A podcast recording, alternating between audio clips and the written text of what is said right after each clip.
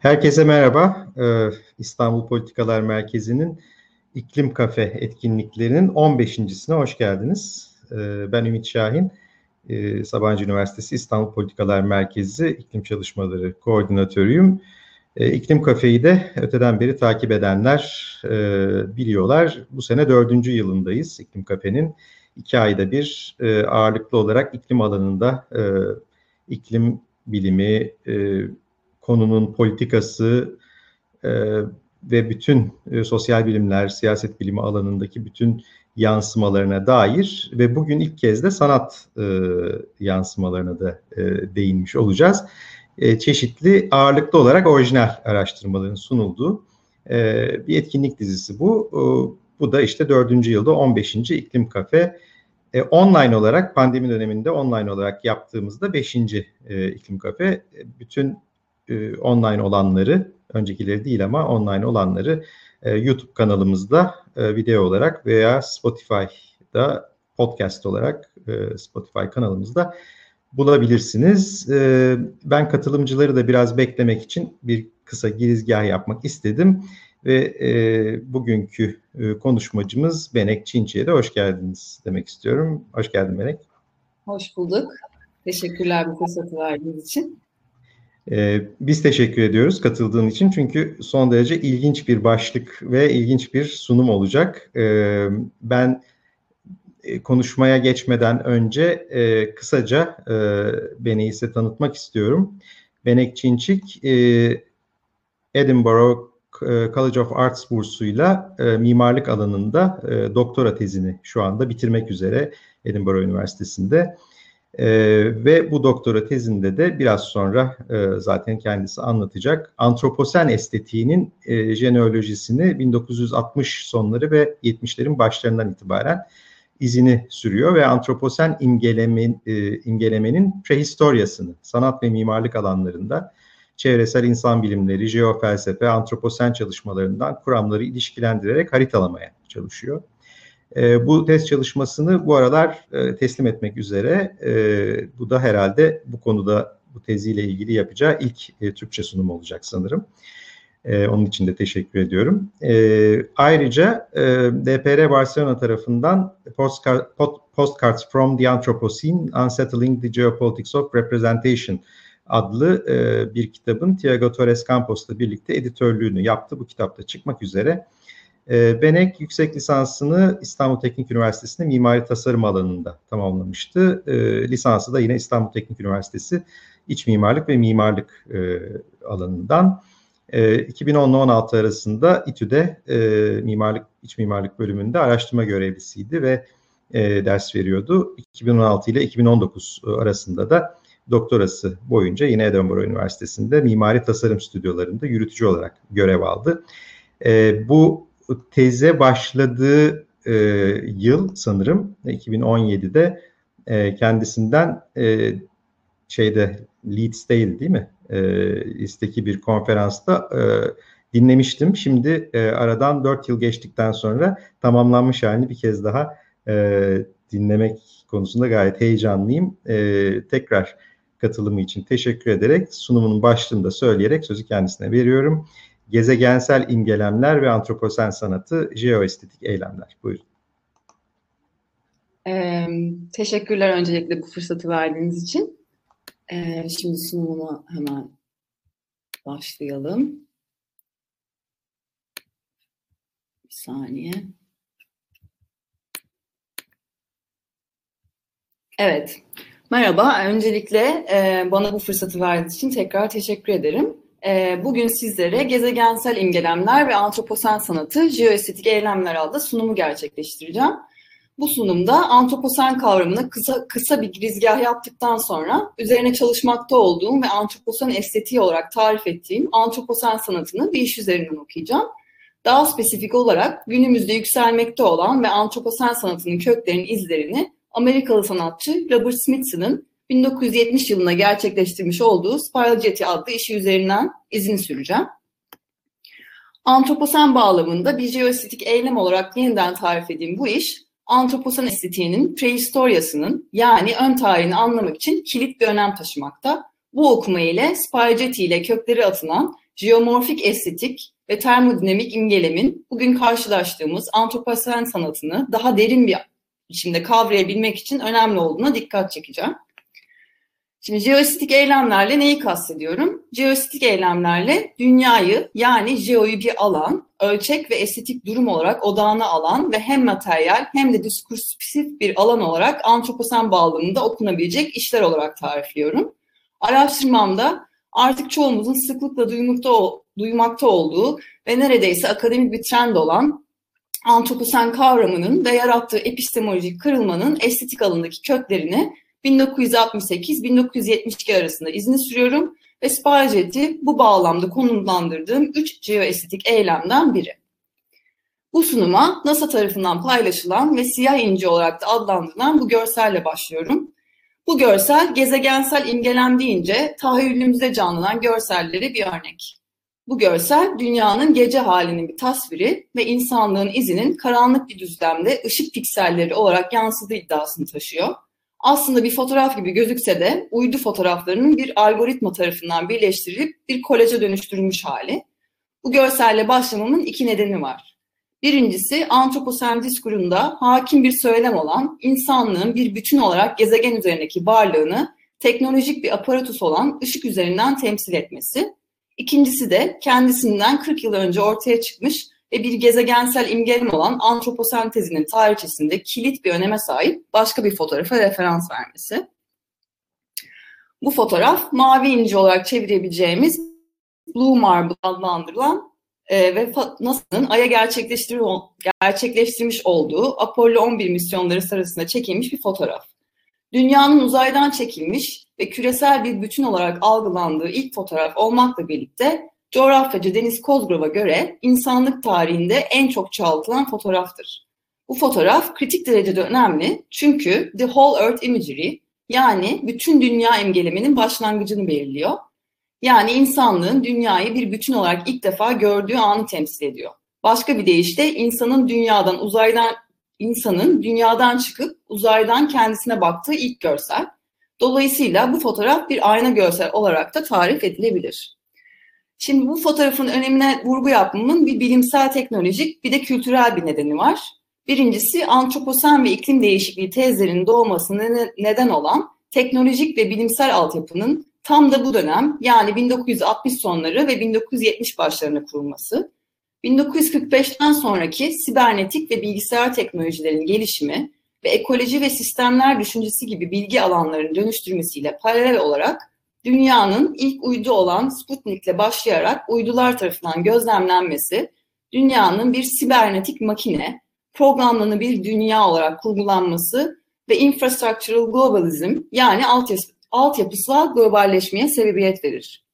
Dünyanın uzaktan kavranan imgelem tarafından ve gezegensel bilgisayar otomasyonu ile sistemleştirilmesi, global çevresel gözetleme, analiz ve tahmin alanında önemli gelişmelere neden olur.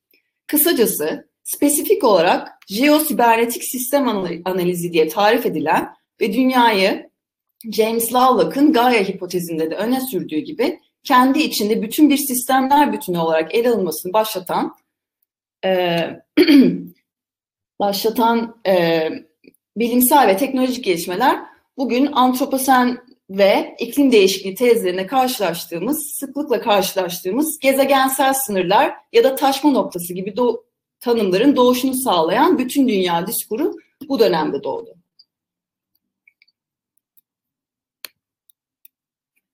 Bu fotoğrafla temsil edilen bütün dünya engeleminin kültürel önemi ise şu. Bu fotoğraf dünyayı uzayda salınan kırılgan, yalnız bir varlık olarak resmettiği için dünyanın korunması gereken bir varlık olarak algılanışının bir katalizörü oldu. Bu fotoğraf bugün iklim krizi ve antroposenin yarattığı kültürel bağlamın kökleri olarak ele alabileceğimiz modern çevresel ve ekolojik hareketlerin başlangıcını tetikledi ve gezegensel vatandaşlık ya da öznellik söylemini doğurdu. Şimdi bu masum gibi gözüken genellemeci ve indirgemeci bakış, problemli bir bakış olmakla birlikte bugünkü gezegensel çevresel duyarlılığın köklerini anlamamız için önem arz ediyor. Bu dünya tek ve korunması gerekiyor mesajı ile beslenen gelecek kaygısı 1968-1972 arasında yayınlanan bazı bilimsel yayınlarla da desteklendi. Rachel Carson'ın Silent Spring ya da Paul ve Anna Ehrlich'in The Population Bomb gibi kitapları çevresel tahribat ve insan popülasyonun artışı gibi parametrelerle gezegenin geleceğini ilişkilendirerek The Whole Earth Worry yani gezegensel endişe olarak adlandırabileceğimiz bu kültürel bağlamı destekledi. Aslında demek istediğim antroposenin ve tarif ettiği çevre felaketlerinin sebebiyet verdiği bir gezegensel varoluşsal kriz veya antroposenik veya antroposenik anksiyete 1968-1972 arasında doğmuş olan bütün dünya engelemi ve tetiklediği gezegensel endişenin bir türevidir. Şimdi biraz antroposen kavramını tartışacağız.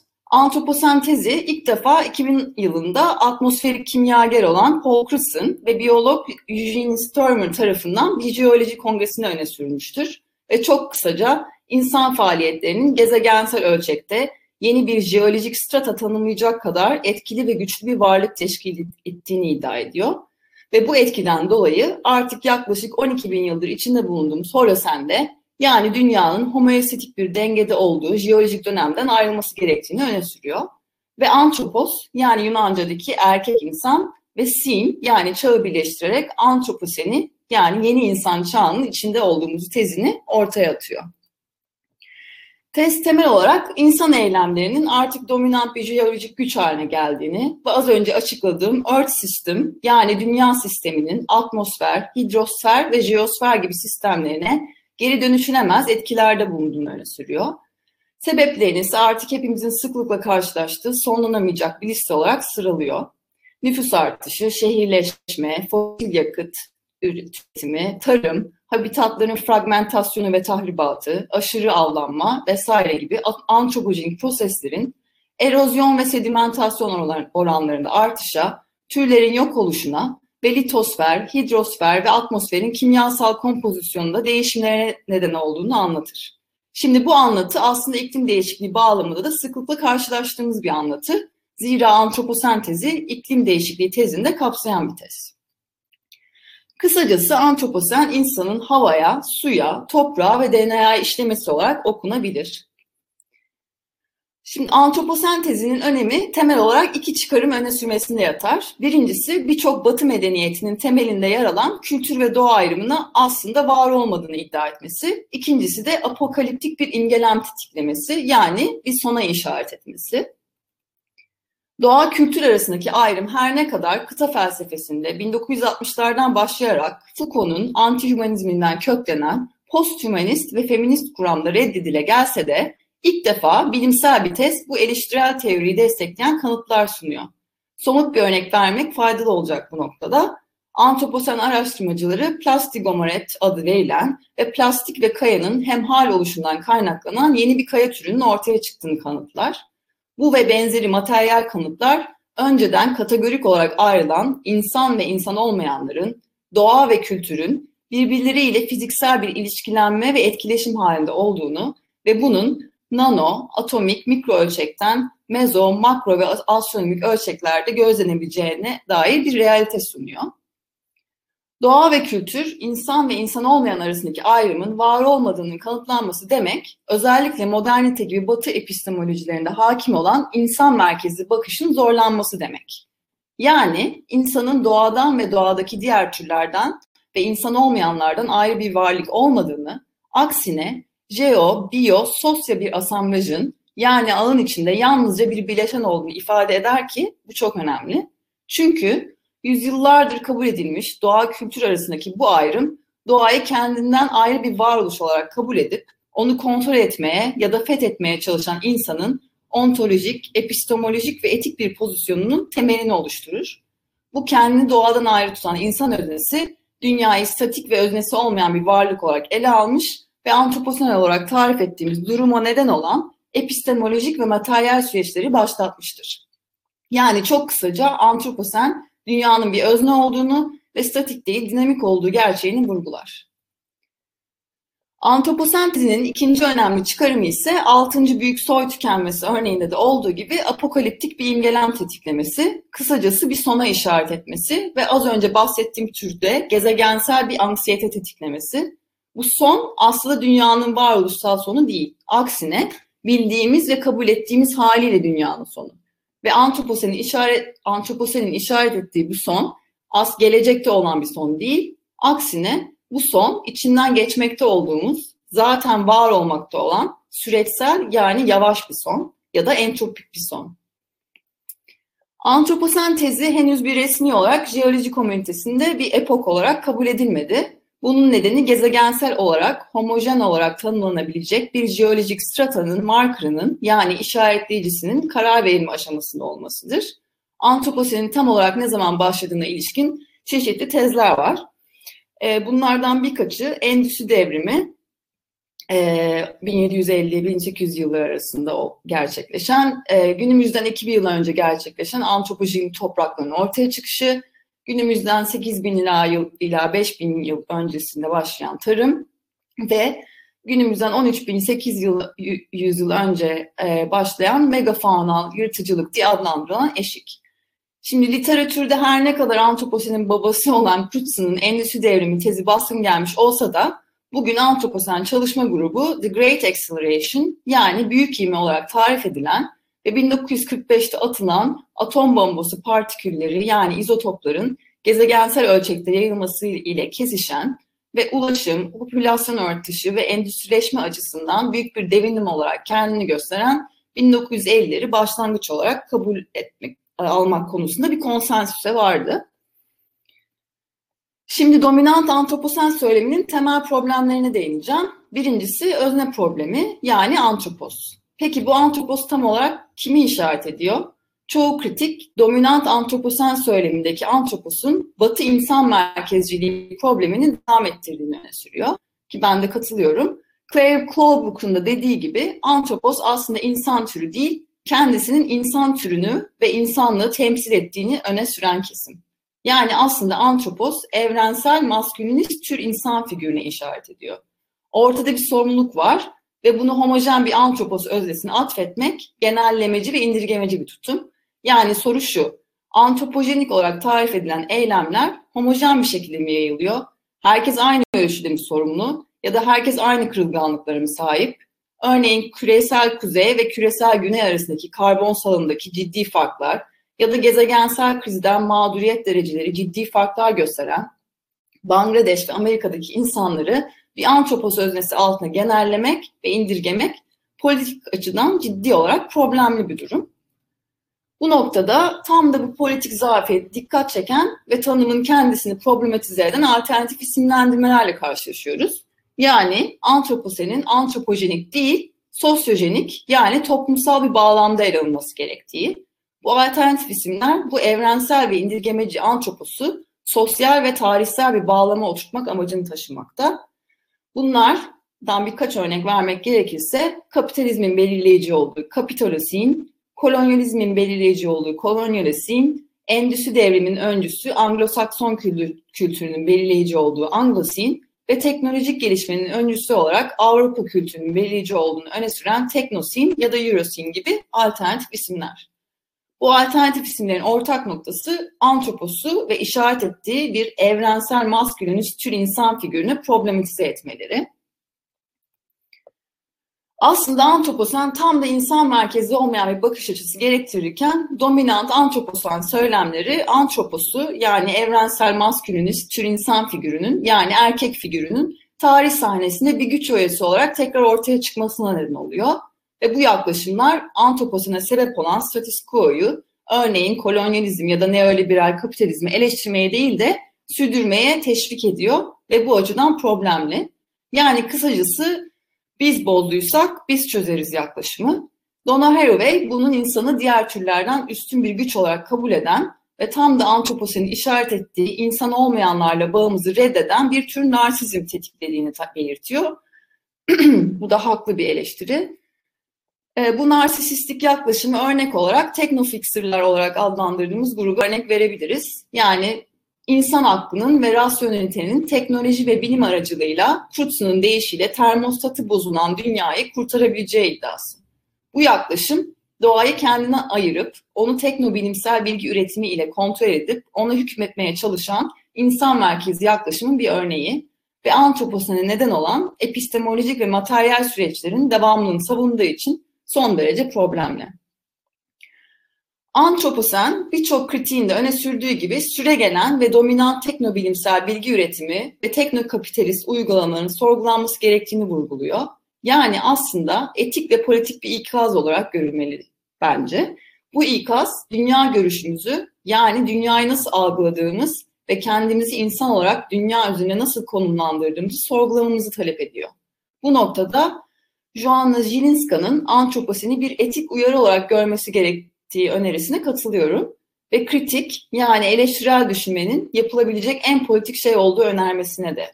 Aceleci ve çözümcü müdahaleler yerine insanların epistemolojik ve dolayısıyla hükmedici savlarının askıya alınması vurgusunda haklı buluyorum. Bu noktada Gattari'nin, Felix Gattari'nin ekozofisi güçlü bir önerge teşkil eder. Çünkü Felix Gattari eko felsefe olarak çevirebileceğimiz önerisini üç ekolojik alan, çevre, sosyal ilişkiler ve insan öznelliği arasında etik politik bir artikülasyon olarak tanımlar. Bu üç alan arasındaki ilişkisel bir süreklilik vardır ve bu ilişkisellik bizi spekülatif ve yaratıcı düşünme üretmeye teşvik ediyor. Gattari'ye göre bu spekülatif ve yaratıcı düşünce bilimsel bilgi alanından ziyade estetik alanından beslenir. Örneğin demin de bahsettiğim jeobiyososyo asamblajı içerisinde insanı bir bileşen olarak ele alırsak ve insanı jeolojik bir imgelem üzerinden okursak insan pekala yürüyen bir kaya olarak görülebilir.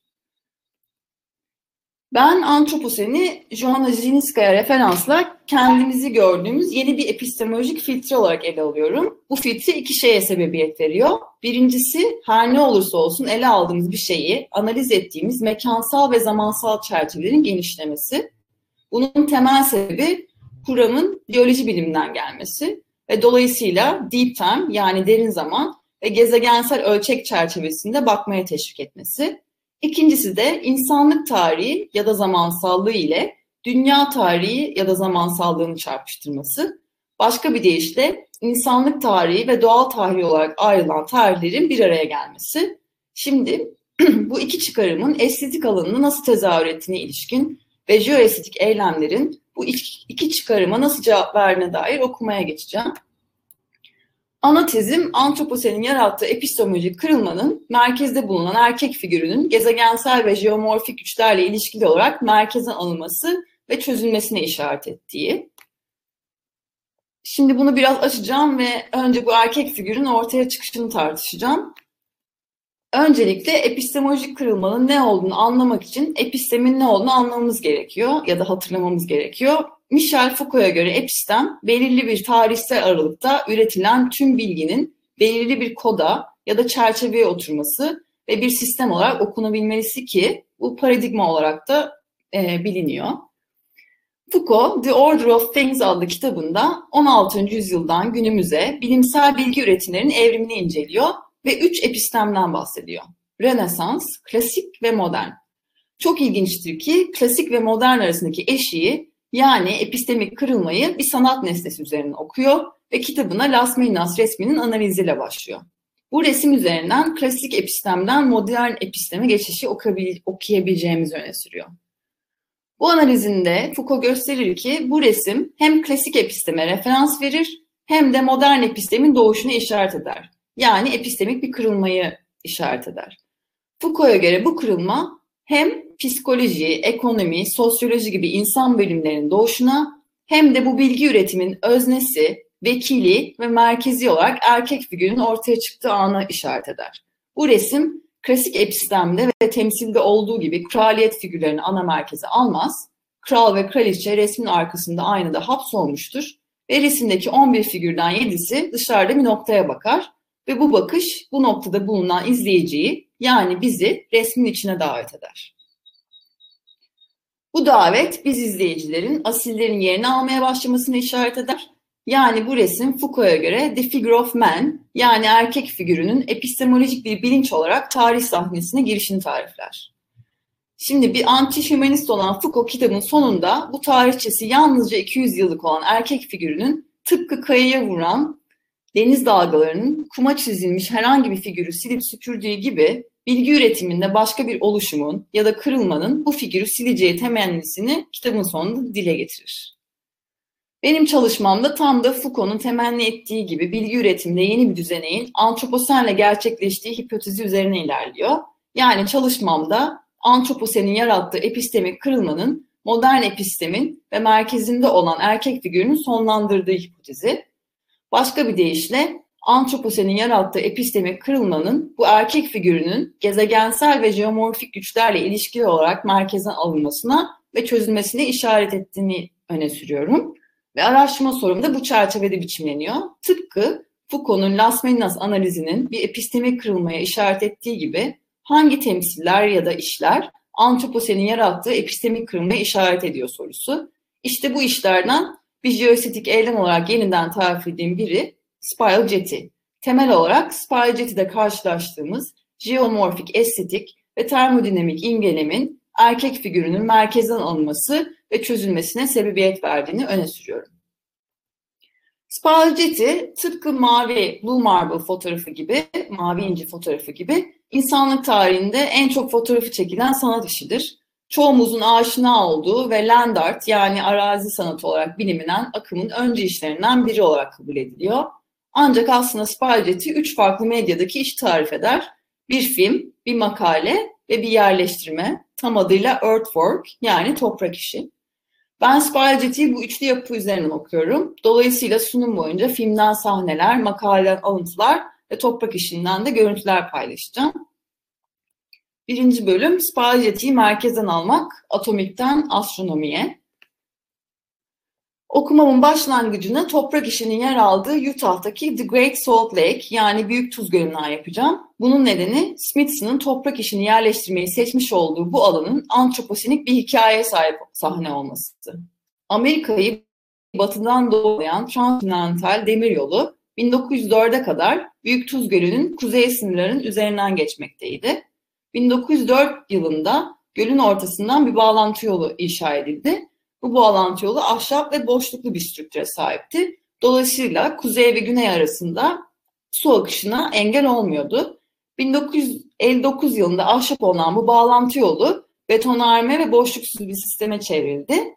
Ve bu boşluksuz yapı gölü güneyden besleyen üç nehrin taşıdığı taze suyun gölün kuzey kısmına ulaşamamasına neden oldu. Bunun sonucunda bağlantı yolunun kuzeyinde kalan bu bölüm %27'lere ulaşan bir tuzluluk oranına yani aşırı satürasyon neden oldu. Bu antroposen bağlamında teknosferik olarak adlandırabileceğimiz insan müdahalesi gölün kuzey kısmının renginin kırmızıya çalan pembe olmasına neden olmuştur. Çünkü gölde bulunan halofilik yani tuzu seven bakteriler mikroskopik bir yosun türü ve arkea denilen tuz kristallerinin içinde yaşayan bir canlı türü suya pem, pembe rengini veren partiküller salgılamaktadır. Smithson'ın lokasyon seçiminde bu kırmızı renk etkili olmuştur. Zira Smithson Spy makalesine G. Chesterton'dan bir alıntı ile başlar. Kırmızı fiziksel evrendeki en neşe dolu ve en korkunç şeydir. O en hiddetli notadır.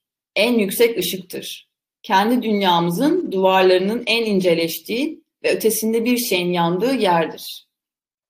Kırmızı hepimizin bildiği üzere ışığın görsel spektrumunun en ucunda yer alır çünkü en uzun dalga boyuna sahiptir. Spaghetti'ye kırmızı ile başlamak anlamlı bir başlangıç çünkü solar enerjinin yoğunluğundan kaynaklanan son kavramını çağrıştırır. Başka bir deyişle kırmızı aynı zamanda enerjinin kademeli dağılımına ve yok oluşuna bağlı olarak entropik çöküşe ve dolayısıyla da bu ısının kaynağı olan güneşe referans verir. Ben bu alıntıyı antroposen çerçevesinde Mackenzie Work'un deyişiyle yanmakta olan dünya ifadesiyle yani apokaliptik diskurla ve alarm ile ilişkilendiriyorum. Solar enerji, ısı ve tuz kristalleri formasyonu arasındaki entropik bağ Stylejet'in kavramsal ve materyal omurgasını oluşturur. Smithson'ın bu bağ temelinde kurduğu termodinamik imgelimi anlamak için Güneş'in Spaghetti filmindeki metaforik ve görsel konumunu anlamak kritik önem taşır. Güneş'in içteki bu konumlanışı aynı zamanda Spaghetti'nin antroposenik kırımının temeli olarak tarif ettiğim merkezden alma efektini analiz etmek için de bir başlangıç oluşturur. Spaghetti işindeki merkezden alma ve yeniden pozisyonlanma arasındaki sürekli salınım rotasyonel hareketlerle aktive edilir. Ve bu rotasyon hareketler yalnızca spiral, form, spiral formunda ve bu formun spiralceti toprak işi ve makalesindeki çoğaltımlarına değil, aynı zamanda spiralceti filmindeki güneş etrafında kurulan döngüsellikte karşımıza çıkar. Güneş ekseninde kurulan bu döngüsellik filmin strüktürünü oluşturur. Şimdi spiralceti filmin girişinden bir sekans izleteceğim.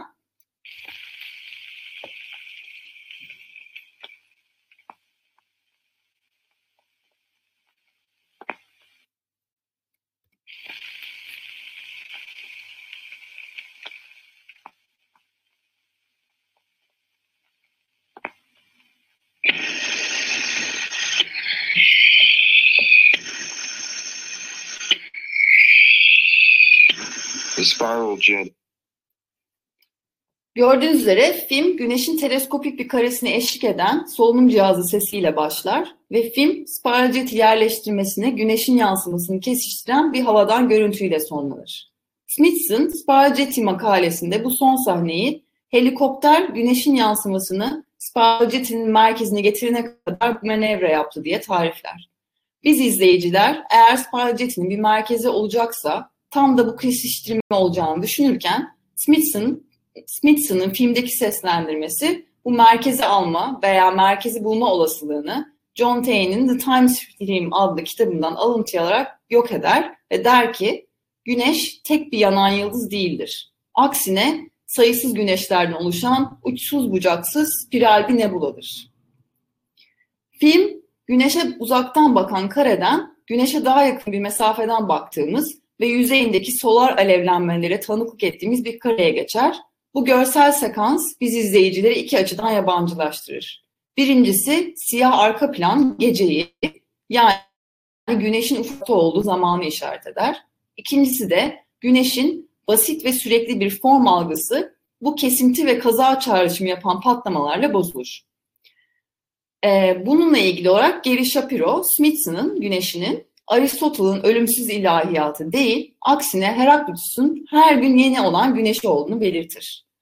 Hidrojenin helyuma dönüşümünü resmeden bu giriş sekansı, güneşin hem bir nükleer bomba ya da reaktör olmasına hem de entropik kuralına bağlı olarak ısının kademeli kayboluşu sebebiyle evrenin kaçınılmaz sonuna işaret eder. Ve bu iki kavrayış da bizde kozmik bir endişe tetikler. Başka bir deyişle bu giriş Smithson'ın hem atomik hem astronomik ölçekte gezegensel değişimi kavramak için entropiyi temel bir kavram olarak mobilize ettiğinin başlangıç niteliğindeki kanıtıdır. Bu güneş sekansındaki yabancılaşma sesle ve görseller, sesler ve görseller arasındaki kopuklukla güçlendirilir.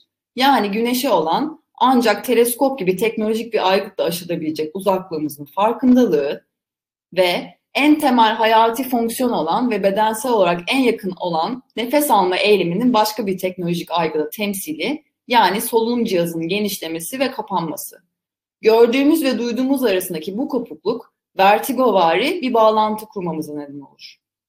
Yani solunum cihazının genişlemesi ve kapanma sesi ile görüntünün senkronizasyonu güneşi bir nefes kaynağı olarak hayal etmemize neden olur.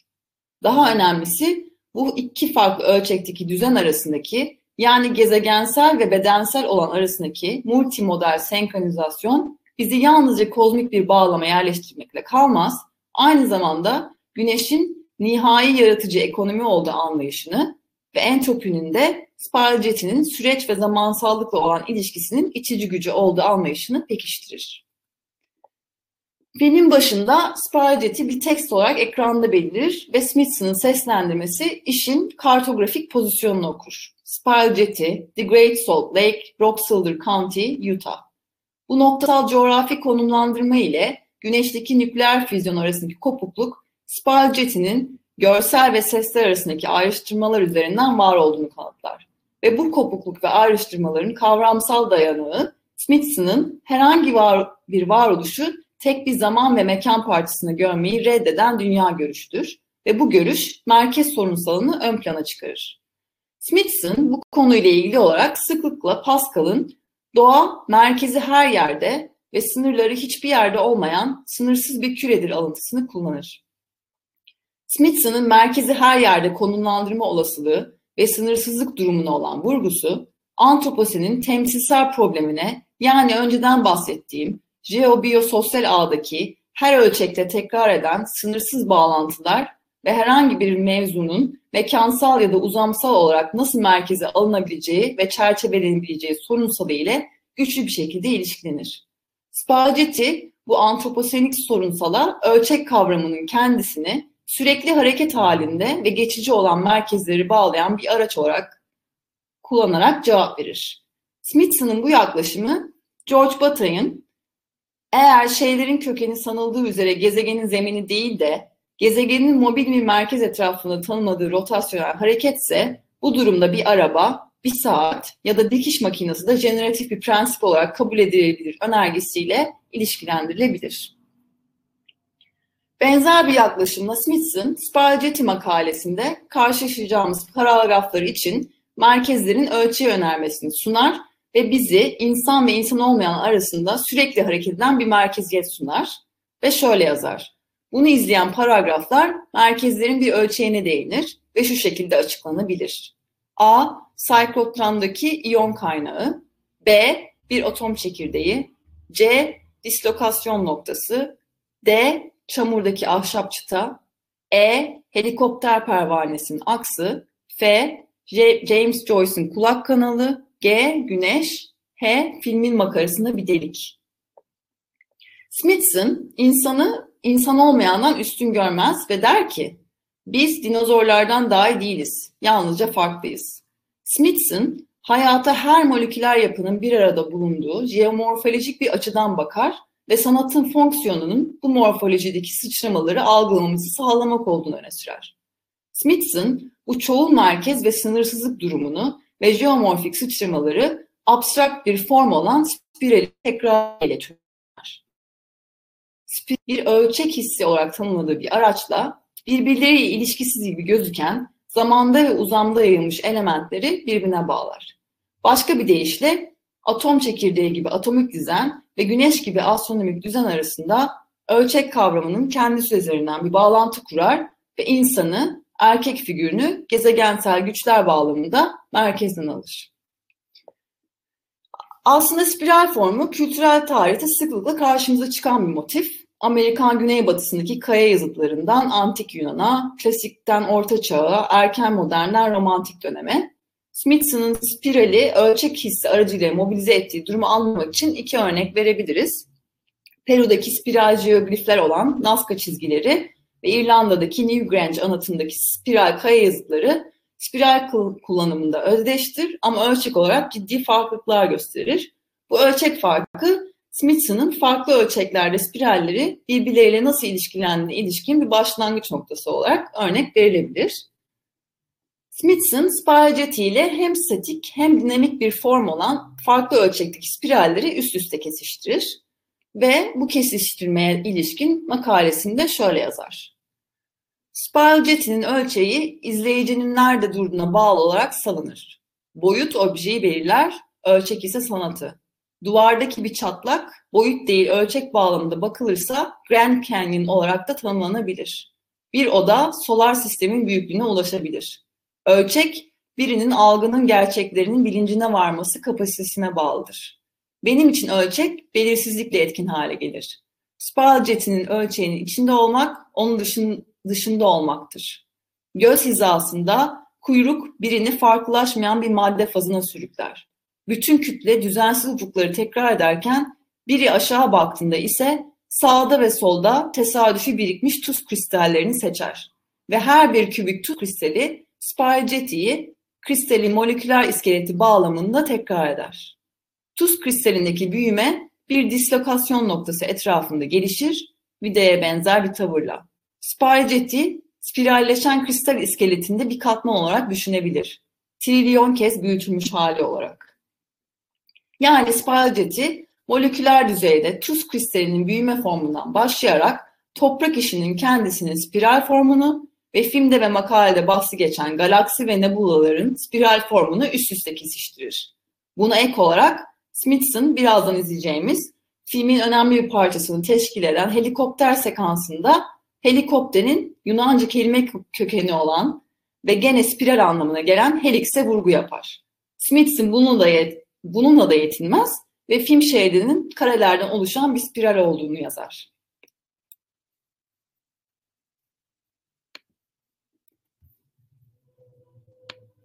From the center of the spiral jetty, north, mud, soil crystals, rocks, Pardon.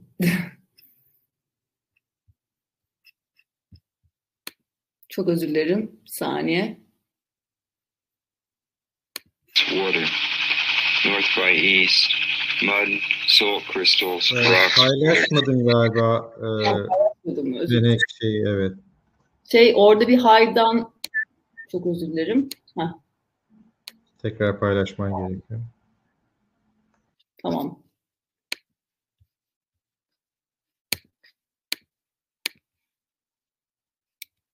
From the center of the spiral jetty, north, mud, salt crystals, rocks, water. North by east, mud, salt crystals, rocks, water. Northeast by north, mud, salt crystals, rocks, water. Northeast by east, mud, salt crystals, rocks, water. East by north, mud, salt crystals, rocks, water. East, mud, salt crystals, rocks, water. East by south, mud, salt crystals, rocks, water. Southeast by east, mud, salt crystals, rocks, water. Southeast by south, mud, salt crystals, rocks, water. South by east, mud, salt crystals, rocks, water. South, mud, salt crystals, rocks, water. South by west, mud, salt crystals, rocks, water. Southwest by south, Bu sekans duysal olarak bir vertigo yaratır. Çünkü görsel ölçek hissiyatını ve zemin hissiyatımızı yok eder. Smithson bu sekans boyunca kameranın yöneldiği koordinatların karşılığı olarak gördüğümüz şeyin materyal konfigürasyonunu ninni gibi tekrar eder. Çamur, tuz kristali, kaya, su. Pusulanın yönlendiriciliğinin aksine bu koordinatlar bizi hiçbir yere götürmez. Smithson burada dünyayı rasyonel bir biçimde parçalara bölen navigasyonel standartizasyona ve rasyonelitenin kendisine bir eleştiri getirir. Smithson'ın spiral kamera dönüşleri algımızı bozar ve konumumuzu belirsiz hale getirir. Kısacası Smithson yarattığı duysal vertigo ve spirallerin faktal tekrarı içinde sürekli değişen merkez algısı ile insan ya da erkek figürünü merkezden alır. Ve hem antroposenin uzamsal çerçeveleri genişletmesine hem de antroposenin içinde bulunma haliyle özdeşleşen zeminsizlik ve ölçeksizlik durumuna referans verir. İlerleyen sekansta spiral helikopter hareketleri güneşin yansımasını toprak işi ile kesişecek biçimde hizalar. Başka bir deyişle spiral helikopter hareketleri güneşin spiral nebulasını spiral toprak işi ile düşeyde hizalanacak şekilde konumlandırır. Ve ilk başta da vurguladığım üzere görsel bu farklı ölçeklerdeki düzenleri bir merkeze toplar gibi gözükse de aslında milyonlarca spirale çözülür. Bu noktada spiral formunun fraktal tekrarının birbirinden farklı ölçekleri bağlayan bir düğüm olarak çalıştığını iddia edebiliriz. Smithson bu duyusal vertigoyu tarihsel bir vertigo ile destekler. Antroposentezinin ta- talep ettiği uzansal çerçevenin genişleminin yanı sıra zamansal çerçeveleri de genişletir. Yani derin zaman kavramı ile birlikte gelen insan ve dünya tarihinin çarp çarpışması durumuna cevap verecek sekanslar sunar. Makalesinde filmi üretme sürecine ilişkin şöyle yazar. Moviola yani filmleri editlediğimiz aparatus kamyonları dinozorlara dönüştüren bir zaman makinesine dönüşür. Filmin bizi en erken jeolojik çağlara götürebileceğine de vurgu yapar. Şimdi antroposinin talep ettiği insan ve dünya zamansallığı çarpışmasına örnek teşkil edecek iki sekans ince, inceleyeceğiz. Bu sekansta bir ayna yüzey üzerinde birbirleri üzerine yatay olarak dizilmiş birkaç kitapla karşılaşıyoruz. Bu kitaplar ayna üzerine bozulmuş yansımalara dönüşmüş durumda. Arka planda ise Geiger sayacı duyuyoruz ve bu doğal olarak dünyanın sismik aktivitesine referans veriyor. dünyanın duymadığımız ama var olan sesleri de diyebiliriz. Kitaplar ve Geiger sayacı arasındaki ilişki antroposen diskurunda varoluşsal bir tehlike olarak okunabilir.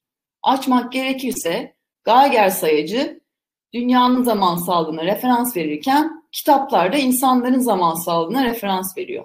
Kitapların kültürel bir sedimentasyonu sembolize eden diziliminin ayna gibi kırılgan bir düzlemde oturması aslında insanların varlığını kendi bir hak olarak gördüğü bastığı zeminin kırılganlığı ve tahmin edilemezliğine referans veriyor. Başka bir deyişle bu kırılgan yüzey bir gerilime, tarihsel ve jeolojik temelimizin bir aynı yüzeye kadar dayanağı olmadığını işaret ediyor. Smithson bu gerilime seslendirmesiyle yalnızca The Lost World yani Kayıp Dünya kitabının başlığını okuyarak vurgu yapıyor. Yani Kayıp Dünya bütünü temsil eden bir başlık olarak okunabilir ve doğal olarak bir silmeye işaret ediyor. Özetle bu sekans duyu ve görme algılarını birbirleriyle ilişkilendirerek antroposenin öne, sür, antroposenin öne sürdüğü insan zamanı ve dünya zamanının çarpışmasını işaret ediyor ve bu kesişim insan zaman sağlığına ilişkin varoluşsal bir anksiyete tetikliyor.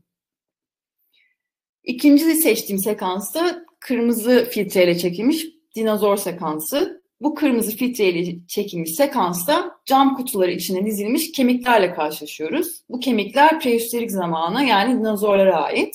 Smithson kırmızı filtrenin etkisini tozlanmış kana benzetiyor ve bu sekans Smithson'ın entropiyle ilişkisinin güçlü bir yansıması.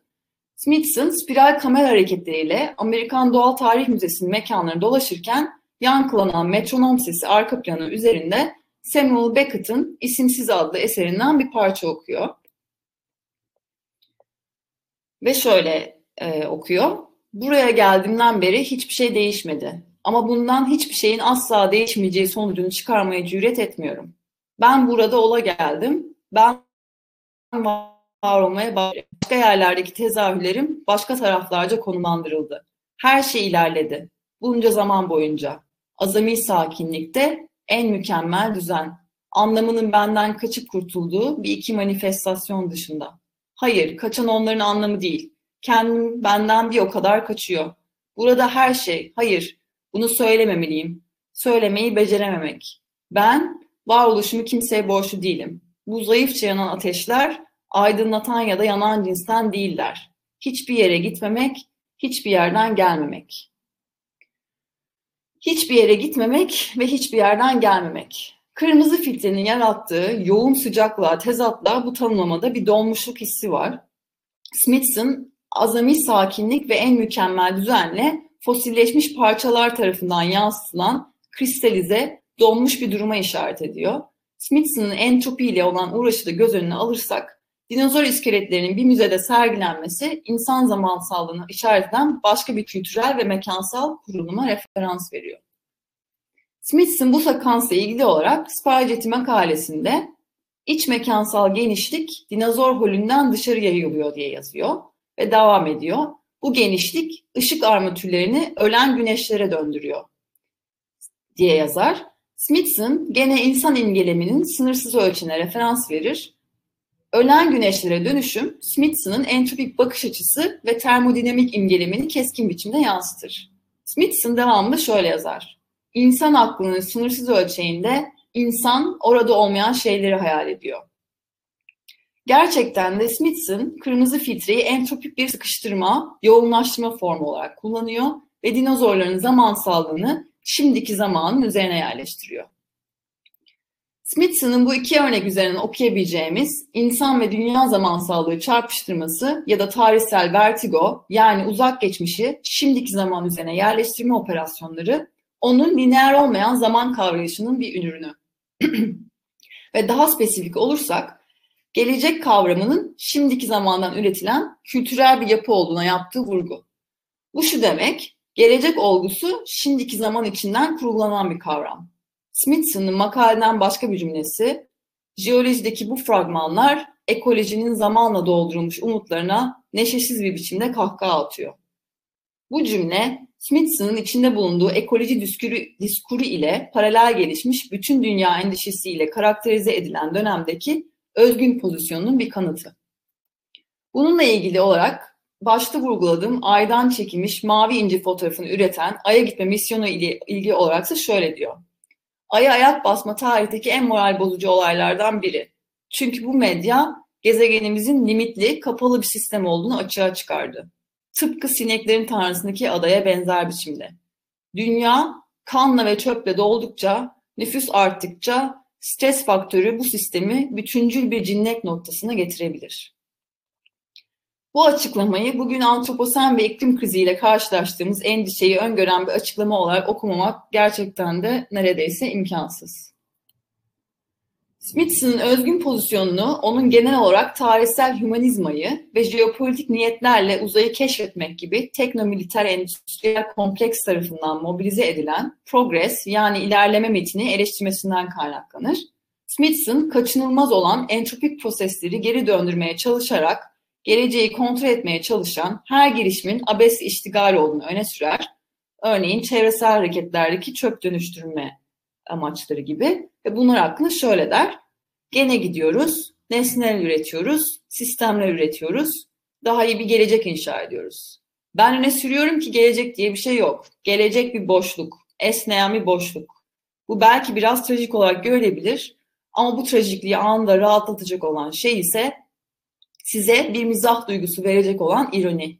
Bu kozmik mizah duygusu bütün bu olanları tolere edilebilir hale getirecek olan şey.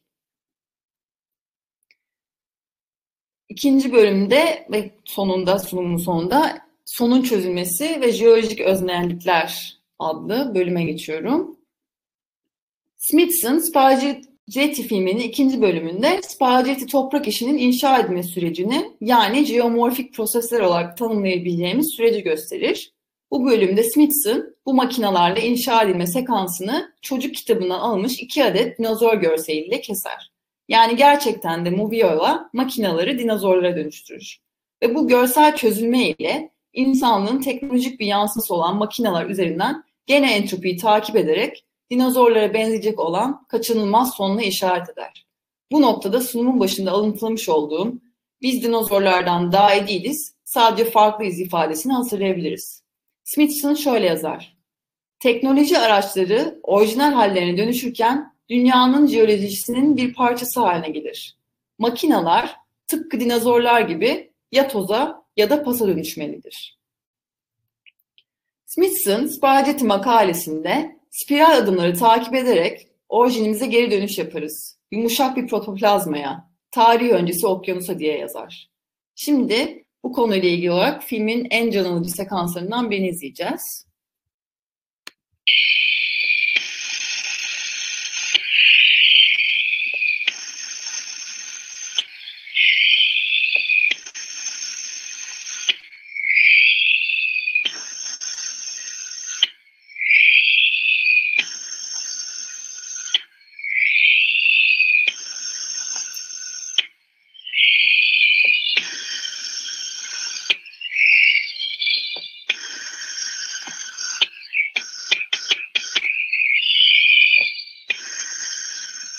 Crystal step will actually wind itself into a spiral during growth.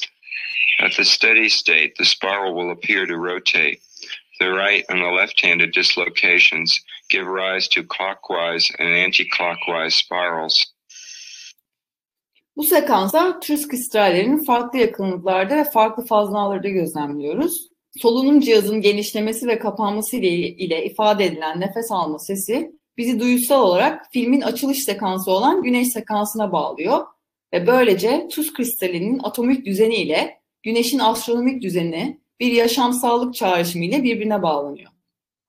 Smithson'ın nefes alma, alıp verme sesiyle tuz kristallerine yaşa, atfettiği yaşamsallık çoğunlukla canlı olarak kabul edilmeyen dünyayı bir özne olduğunu vurguluyor ve daha da önemlisi jeolojik yaşama işaret ediyor. Öznelliklerin yeniden mineralizasyonu olarak okuyabileceğimiz bu sekans, yani hatırlar isek biz insanlar yürüyen bir kayayız, tuz kristalleriyle özdeşleşmemize sebebiyet veriyor. Bu özdeşleşme kavramsal olarak çok özgün bir pozisyona işaret ediyor ve ben bunu Gilbert Simondon'un kristal bireyleşme kuramı ile ilişkilendiriyorum.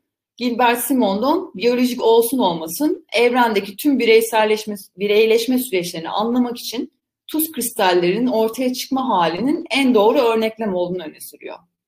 Yani ister bireysel bireyleşme ya da kolektif bireyleşme olsun, bu sürecin tuz kristalinin bir metastabil çözelti içerisinden ortaya çıkma haliyle paralel olarak okunabileceğini öne sürüyor. Bu tezin felsefi çıkarımlarına bu sun kapsamında girmiyorum ancak Smithson ve Simonon arasındaki öznellikleri tuz arasında öznellikleri tuz kristalinin ortaya çıkışı yani jeolojik yaşam üzerinden tasvir etmek açısından benzerlikler bulunur. Kısacası bu sekans önemli çünkü jeolojik yaşama vurgu yapıyor. Yaşamı yalnızca biyolojik bir alan olarak algılayışımızı destabilize ediyor ve son kavramının kendisini sorgulatıyor. İnsanlar yok olsa bile tuz kristalleri içerisinde yaşayan arkealar milyonlarca yıl yaşamaya devam edecek ve bu durumda son aslında tıpkı gelecek gibi antropomorfik bir kavram. Smithson nefes ilişkiselliği üzerinden güneşten kristale geçerek aslında bir düzenden bir düzenden başka bir düzene geçişi işaret ediyor.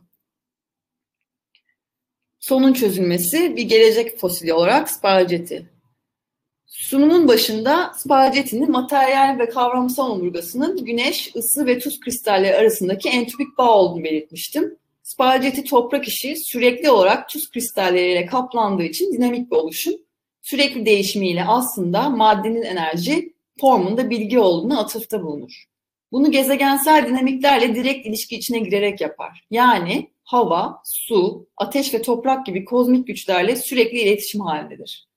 Bu Elizabeth Gross'un sanatın geopower yani geo güçlerle ilişki halinde olması ve onları insanların duyusal alanına transfer etmesi önermesine direkt bir örnek teşkil eder. Spalgetti'nin kozmik dinamiklerle direkt bir ilişkin halinde olma hali, onun sürekli olarak değişmesine ve dönüşmesine neden olur. Yani fiziksel ifadesi sürekli bir devinim halindedir. Smithson bir röportajında su, hava, ateş ve toprak ile birbirleriyle bütün oluşturacak biçimde bağlanmış bir fenomen olarak çalışma fırsatı bulduğunu belirtir. Şimdi spagetti toprak işinin gezegensel güçlerle ilişki olarak nasıl değişik form ve renkli ifadeler buna dair bazı örneklere bakacağız. 1972-2002 yılları arasında aşırı yağış nedeniyle su seviyesinin yükselmesi sebebiyle spagetti aslında görülemiyordu. Su seviyesi indiğinde pembe üzerine tuz kristalleriyle kaplandığı için beyaz bir rölyef gibi gözüküyor. Sular tamamen çekildiğinde ise ve üzerindeki tuz kristalleri azaldığında kahverengi bir form olarak karşımıza çıkıyor. Spalgetti'nin topra Spalgetti toprak işinin gelecekte ne olacağı sorusu ise tamamen spekülasyonlara açık. Spalgetti gene sular altında mı kalacak? Tekrar tuz kristalleriyle mi kaplanacak? Veya 2016 yılında gene değiştirilmiş olan bağlantı yolu gölün kuzey ve güney alanları arasında taze su akışını sağlayacağı için sular altında mı kalacak?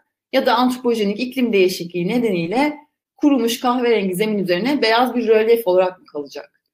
Tüm bu olasılıkları ve tuz kristallerinin içinde yaşayan arkeaların milyonlarca yıl yaşadığını göz önüne alırsak, Spargeti toprak işi bir gelecek fosiline dönüşür.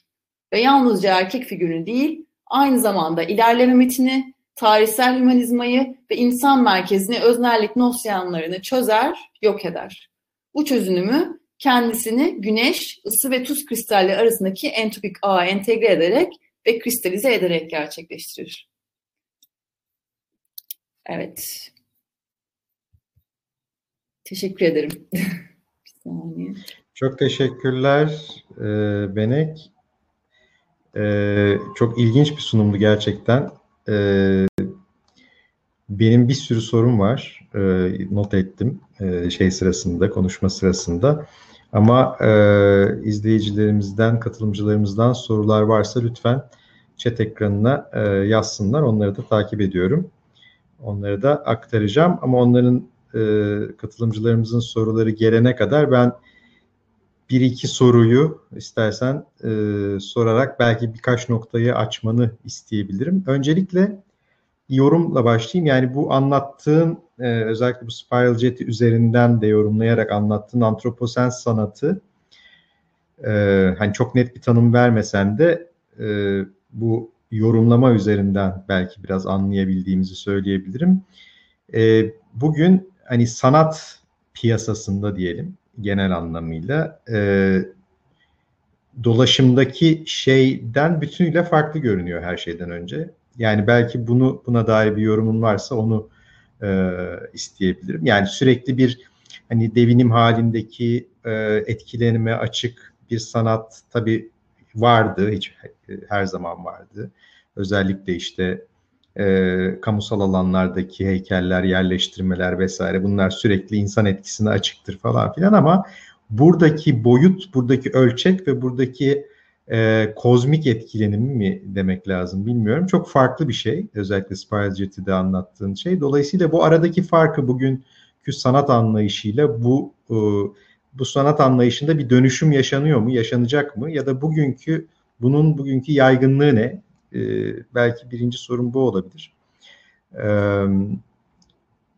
yani biraz daha belki soruyu başka bir tarafa doğru e, çevirerek de şöyle sorabilirim. Yani e, bütün bu anlattıkların aslında doğa kültür ayrımını en başta da söyledin. Doğa kültür ayrımını ortadan kaldırmaya yönelik bir anlayışı önümüze getiriyor. Dolayısıyla hani böyle bir kavrayış var mı sanatta şu anda ya da gerçekten bunun yaygınlaştığına ya da bunun konu edildiğine dair örnekler başka daha çağdaş, daha güncel örnekler var mı? Birinci sorum bu. E, ikincisi de e, bunu da sorayım ondan sonra sana döneyim. Belki diğer sorularla daha sonra devam ederiz. İkincisi de bu apokaliptik imgelemin yarattığı anksiyete meselesi. Bu benim en sevdiğim konulardan bir tanesi zaten. Çünkü zaten iklim krizinden e, işte büyük yok oluştan falan bahsettiğimizde aslında nasıl bu konuların kapatıldığını, nasıl duyulmak istenmediğini, nasıl bir kaçma davranışı olduğunu hepimiz biliyoruz. Belki hepimizde de var bu bir miktar.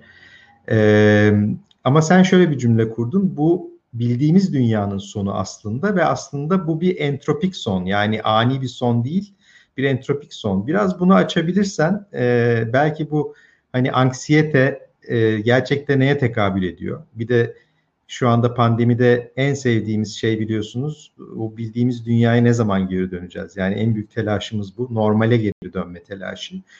Yoksa o normal yok mu artık? Ee, dolayısıyla bu anksiyeteyle nasıl başa çıkmak lazım vesaire. İkinci sorum da biraz bu olacak. İstersen sözü sana vereyim ondan sonra e, bir soru gelmiş onu da okuyacağım.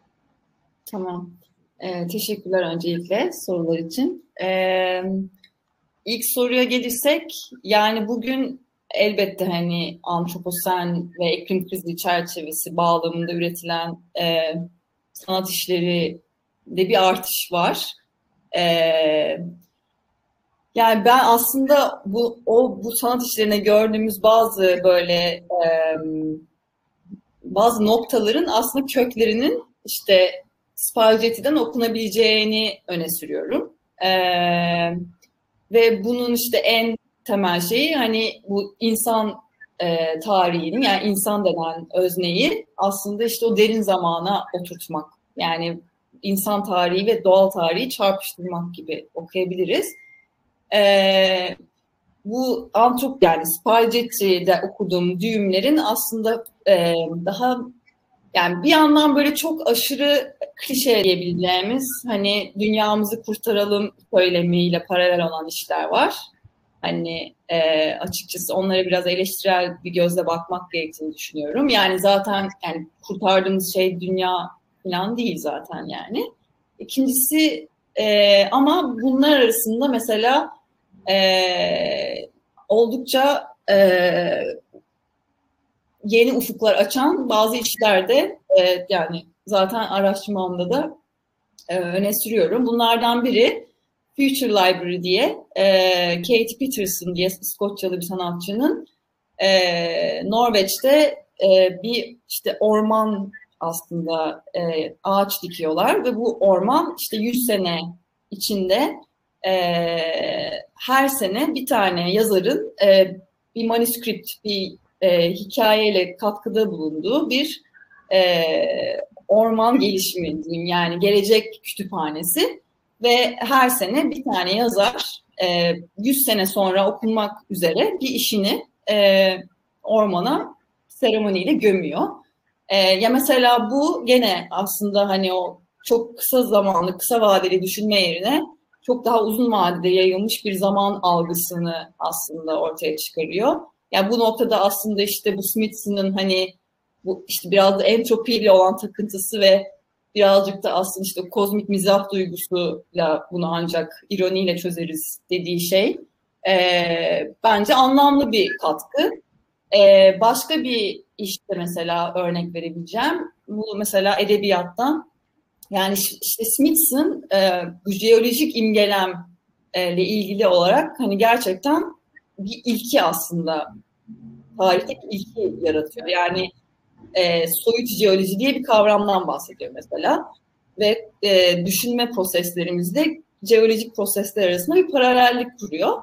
E, buna ilişkin mesela e, Amy Liprop diye bir sanat e, bir yazarın e, The Outrun diye bir kitabında Personal Geology diye bir bölümü var. Mesela orada da e, yazar yani kendi bedensel e, bedensel süreçleriyle bir jeolojik imgelemi paralel olarak okuyor. Ve bu mesela aslında Smithson'ın o mental prosesler ve jeolojik prosesler arasında kurduğu ilişkiyi bedensel bir e, bedensel bir düzleme taşıyor. Ve aslında bence o aldığı Smithson'dan yani Smithson'ın e, köklerini başlattığı durumu e, ileriye götüren bir e, bakış olarak okunabilir.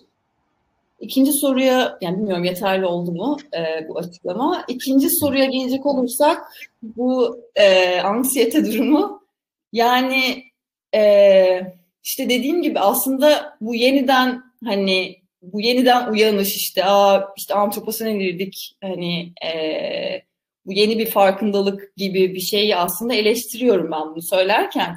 1968-1972 arasında da benzer dünya yok olacak, işte nüfus artıyor, ne yapacağız söylemleri var ve işte hani bir yandan da e, buna böyle karşı çıkan ve bunu durdurmaya çalışan e, proseslerin aslında gene e, neoliberal kapitalizm tarafından aslında e, söndürüldüğü veya işte e, sönümlendirildiğine ilişkin yani aslında şunu demeye çalışıyorum. Yani o dönemdeki hareketlere bakarak ve o dönemi yani tarihselleştirerek aslında ders çıkarabiliriz yani.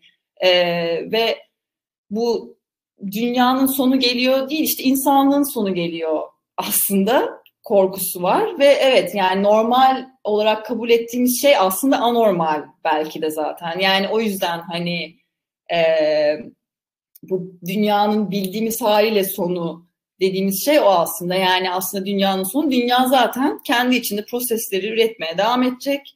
İşte bir sürü e, canlı türü, işte belki e, farklı mutasyonlara uğrayacak vesaire. Hani bir sürü gelecek kurgusu var ama hani işaret ettiğim gibi gelecek aslında şimdiki zamanlar kurguladığımız bir şey. Yani geleceğin ne olacağını bilmiyoruz tabii.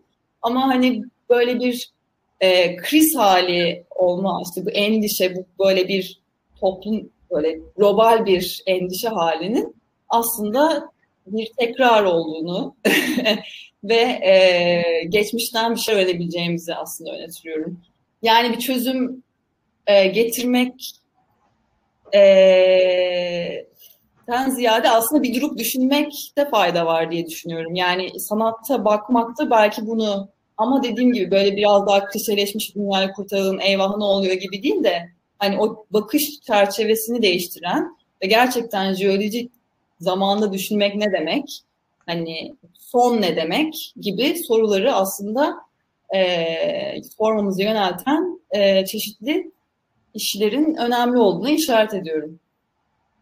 Çok teşekkür ederim. Ya zaten e, sanatı da e, araçsal bir şekilde alıp mesela farkındalık için farkındalığı arttırmak e, bu genel klişesinin altına sıkıştırma eğilimi de var biliyorsun. E, evet. Bence tam tersine bir farkındalık fazlalığı var şu anda bu konuyla ilgili ve aslında tam da durup düşünme e, dediğin kısma çok katılıyorum. Gerçekten bu, biraz bunu e, belki bunu, bunu da düşünmeliyiz. E, Bahar Topçu'nun bir sorusu var onu okuyayım. E, Sunum için teşekkürler demiş. İki sorum var. Öncelikle antroposene yapılan eleştiriler kapitolosen gibi alternatif isimler öne sürülerek yapılıyor. Sizin yakın olduğunuz isim hangisi? Antroposen mi yoksa Kapitolosen ya da diğerleri mi? Asıl sormak istediğim şey ise bu tercih bize ne veriyor? İkinci sorum e, daha net demiş. Antroposen sanatının iklim inkarcılığına karşı ona dair bir rolü olduğunu düşünüyor musunuz?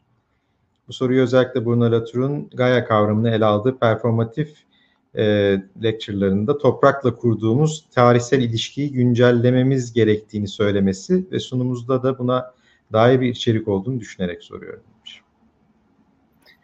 Ee, yani bu işte antroposenin e, alternatif isimleri sebebiyet veren e, politik e, zafiyeti aslında işte o bahsettiğim antropos üzerinden hep aslında e, kurgulanıyor. Yani ben kendi araştırmamda antroposeni antroposen olarak kullanıyorum. Ama bunu kullanmamın sebebi zaten antroposenin bu yarattığı gerilimi problematize etmem. Yani aslında o antroposun işte dünya insanlığı temsil ettiğini iddia eden antroposu problematize etmem. E, o yüzden hani kapitolosin hatta plantationosin gibi e, veya Harvey'in ya başka bir sürü tanım var ama aslında hepsinin söylediği şey işte bu genellemeci ve indirgemeci tavrın e, bir bağlama oturtmak. Hani o yüzden yani bu antroposin aslında bir e, e, umbrella term gibi alıyorum. Yani aslında hepsini kapsayan bir şey olarak alıyorum ama kesinlikle ve kesinlikle e, terminolojinin kendisinin problematize edilmesi gerektiğini düşünüyorum. Yani içinde pro, problematize edilme potansiyelini taşıdığı için antroposeni olduğu gibi kullanıyorum.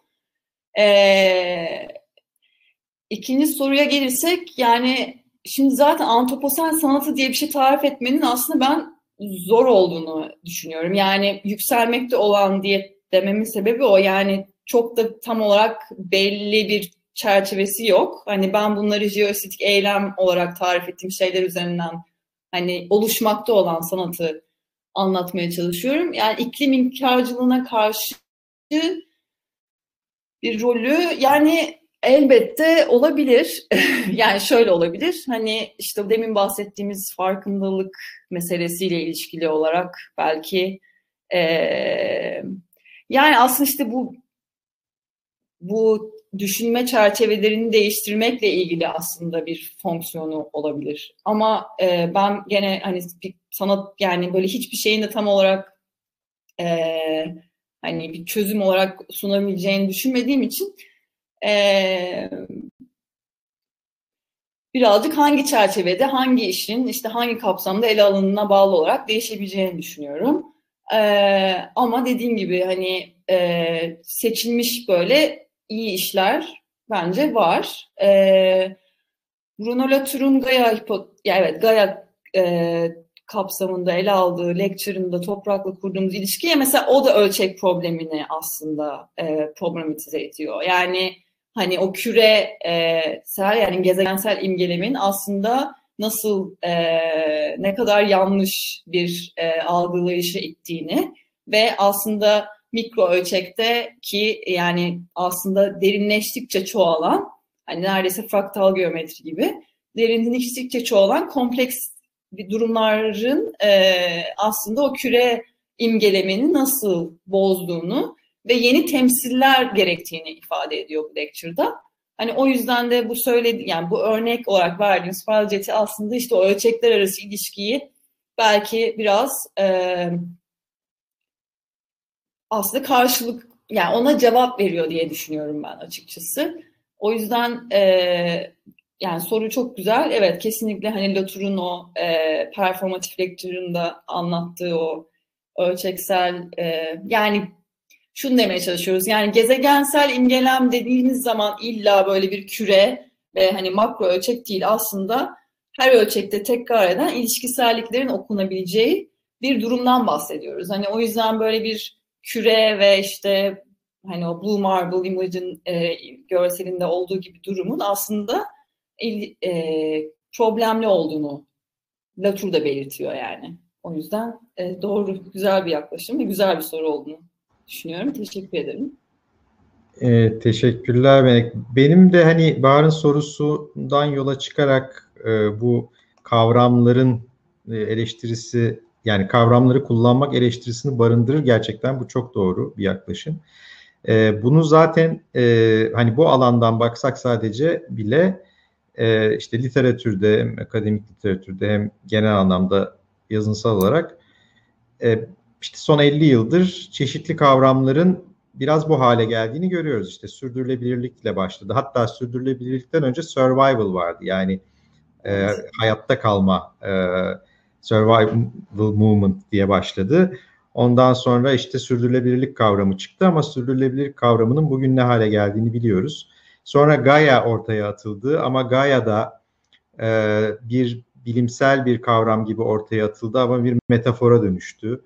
E, onun nasıl kullanıldığını biliyoruz. Sonra toprak ana geldi. Toprak ananın e, daha böyle e, yerli kültürlerle bağlantısı vesaire. Bugün e, toprak ana kavramını daha birkaç gün önceki liderler zirvesinde duydum yani e, iklim kriziyle ilgili. Hani o derece o, o bile yaygınlaşmış. Şimdi antroposen de belli buna benzer bir serüven geçiriyor aslında anladığım kadarıyla. Evet.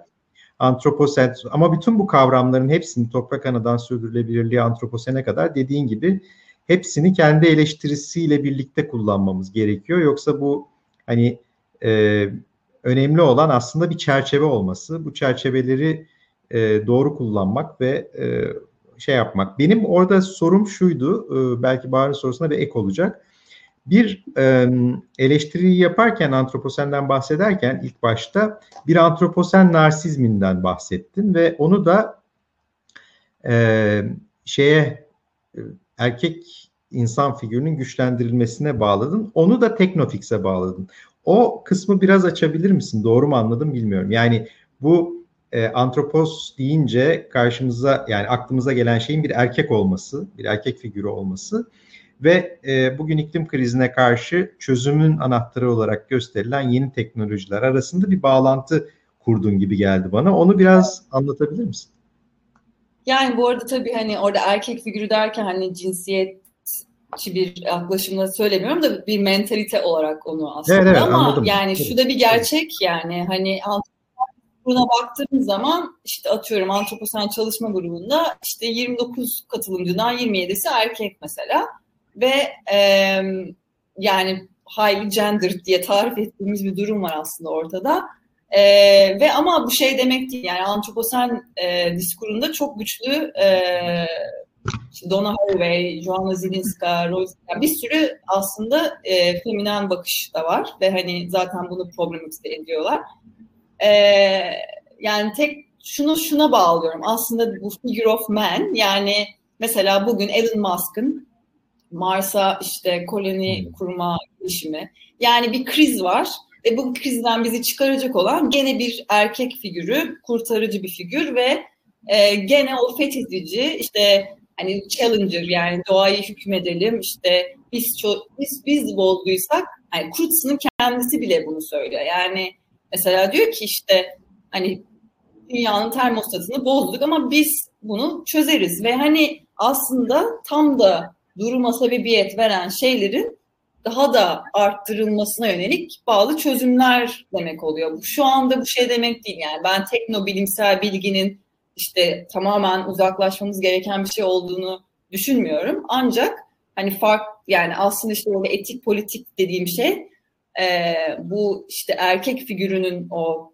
işte doğayı kendinden ayırıp ondan sonra onu fethedip işte e, bir kurtarıcı, bir mesih gibi hani planetary stewardship dedikleri yani bir dünyayı kurtaracağız söyleminin gene bir erkek figürü üzerinden kurulmasının çok problemli buluyorum. İşte bu Ekomodernist Manifesto'da mesela bunlardan sadece bir örnek. Ee, yani işte 1968'de The Whole Earth Catalog diye bir şey vardı. Stuart Brandon yaptığı. Ee, mesela o zaman da işte e,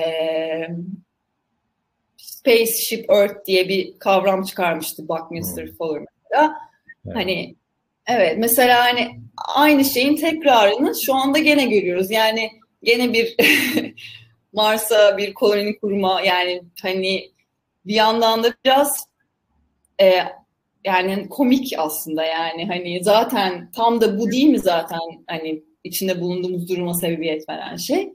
Ee, ama enteresan yani ben şey mesela bir e, Mars'la ilgili bir sergiye gitmiştim geçen sene ve orada böyle serginin sonunda işte bütün bu hani işte survival dediğimiz durumu nasıl çözeriz ile ilgili böyle çok acayip işte tırnak içinde heyecan verici şeyler vardı ama serginin sonunda işte ne düşünüyorsunuz? Hani sizce Mars'a gitmeli miyiz? Yoksa dünyamızda mı kalalım gibi böyle bir e, interaktif bir anket yapmışlardı ve bir sürü insan yani şaşırtıcı bir şekilde yani bir gitmeyelim ben biz gitmeye gerek yok. Önce içinde bulunduğumuz durumu bir fix edelim. Yani edilecek bir fix edilecek bir durum varsa içinde bulunduğumuz durum aslında gibi bir şey. Aslında daha çok e, talep görmüştü ve hani bu aslında beni biraz e, yani olumlu bir şekilde e, görmemi sağladı durumu. Yani işte dediğim gibi o da erkek figürünü problematize eden e, bugün işte o teknofixlerle ilişki kurduğum mentalite yani antroposun kendisi. Evet, evet. Çok sağ ol. Bu e, zaten Elon Musk örneğini verince anladım tam olarak. Çünkü e, bir de buna şimdi Bill Gates'i de ekleyebiliriz belki. E, biliyorsunuz iklim krizinden çıkışımız için yeni kahramanımız Bill Gates şu anda. E, bir kitap yazdı bu konuda. E, bir e, işte iklim zirvesinde, liderler zirvesinde konuştu mesela. Yine bu Biden'ın düzenlediği liderler zirvesinde Bill Gates de çıktı konuştu. E, tam da dediğin şey oluyor aslında. Tam da e, evet, yani. aynı e, aynı şeyle paradigmayla aynı paterni izleyerek sorunu çözeceğiz. Yarattığımız paternle sorunu çözeceğiz gibi bir şey. Son sorumu soruyorum bitirmek bitirmeden önce e, bir sürü soru yazmıştım ama bir de bunu sorsam yeter yetecek sanırım. E, bu Spiral Jet'den e, yola çıkarak onu anlatırken ben yine kendi yorumumu söylüyorum. Tam olarak sen öyle dememiş olabilirsin ama şöyle bir şey e, anladım. Aslında bu işler, bu bakış açısı, bu antroposen sanatı diyebileceğimiz bakış açısı bir anlamda e, evrenin tarihini yani bütün o e, canlı cansız e, canlılardan ve cansızlardan oluşan evrenin tarihini insanla beraber, antroposenle beraber sıfırlıyor. Bir şey atıyor sanki, bir format atıp orada yeni bir tarih başlatıyor gibi anladım ben. Doğru mudur bilmiyorum bu yorum. Ee, bu, bu da şunu düşündürdü bana. Aslında bu doğa kültür ayrımı rahatlatıcı bir ayrımdı. Yani özellikle insan e, modern dönemde e, kültür sayesinde kendini doğanın içinde bir yer bulduğunu düşündü. Bu, bu onu rahatlattı yani insanı rahatlattı değil mi? Biz e, doğanın bir parçasıyız veya değiliz ona meydan okuyoruz falan ama sonuçta bir kültürümüz var. Bu da doğa kendi kurallarıyla akıyor. Yani biz ona zaten bir şey yapamayız ama biz de bir kültür yarattık. Ama şimdi bu kültür denen şeyin aslında e, bu sıfırlanan evrenin tarihini sıfırlıyorsak antroposenle beraber iç içe geçtiğini görüyoruz. Ve bu da o belki o anksiyeteyi temelde o yok oluş endişesini temelde yaratan şey bu olabilir mi? Yani biraz yorum biraz soru oldu ama bu sıfırlama meselesine nasıl bakarsın?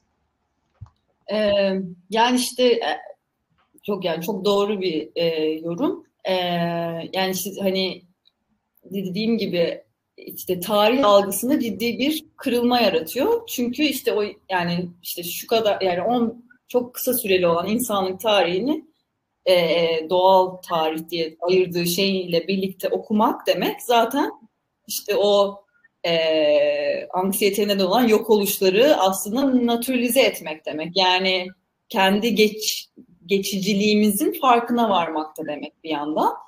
E, o yüzden hani o doğa kültür ayrımı yok olduğunu yani materyal kanıtlarla gösterince aslında zaten yoktu da hani fark ettirince e,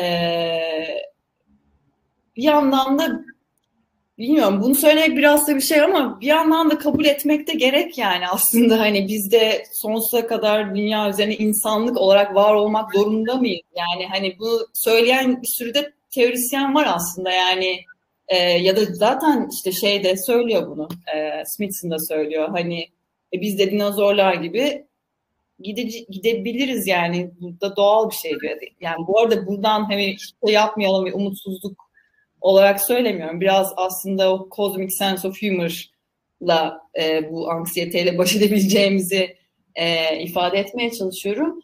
Yani e, tarihçiler zaten hani buna şöyle tepki verdiler. Evet kesinlikle mesela sadece kapitalizm tarihine bakarak bunu okuyamayız veya e, sadece insanlık tarihindeki çeşitli peri periyodizasyonlarla e, varoluşumuzu okuyamayız. O yüzden hani bu derin zamanda düşünmek dediğimiz hani onu açmak ve konumlandırmak e, tamamen aslında tarih algısını değiştiren bir şeye dönüştü. Ee, yani o yüzden aslında Counter Copernican Revolution falan olarak okunuyor aslında. Yani hani o kırılma dediğimiz şey o aslında. Yani e, temel olarak işte o bu mekansal ve zamansal çerçevenin aşırı genişlemesi ve bu iki zamansallığın çarpışması e,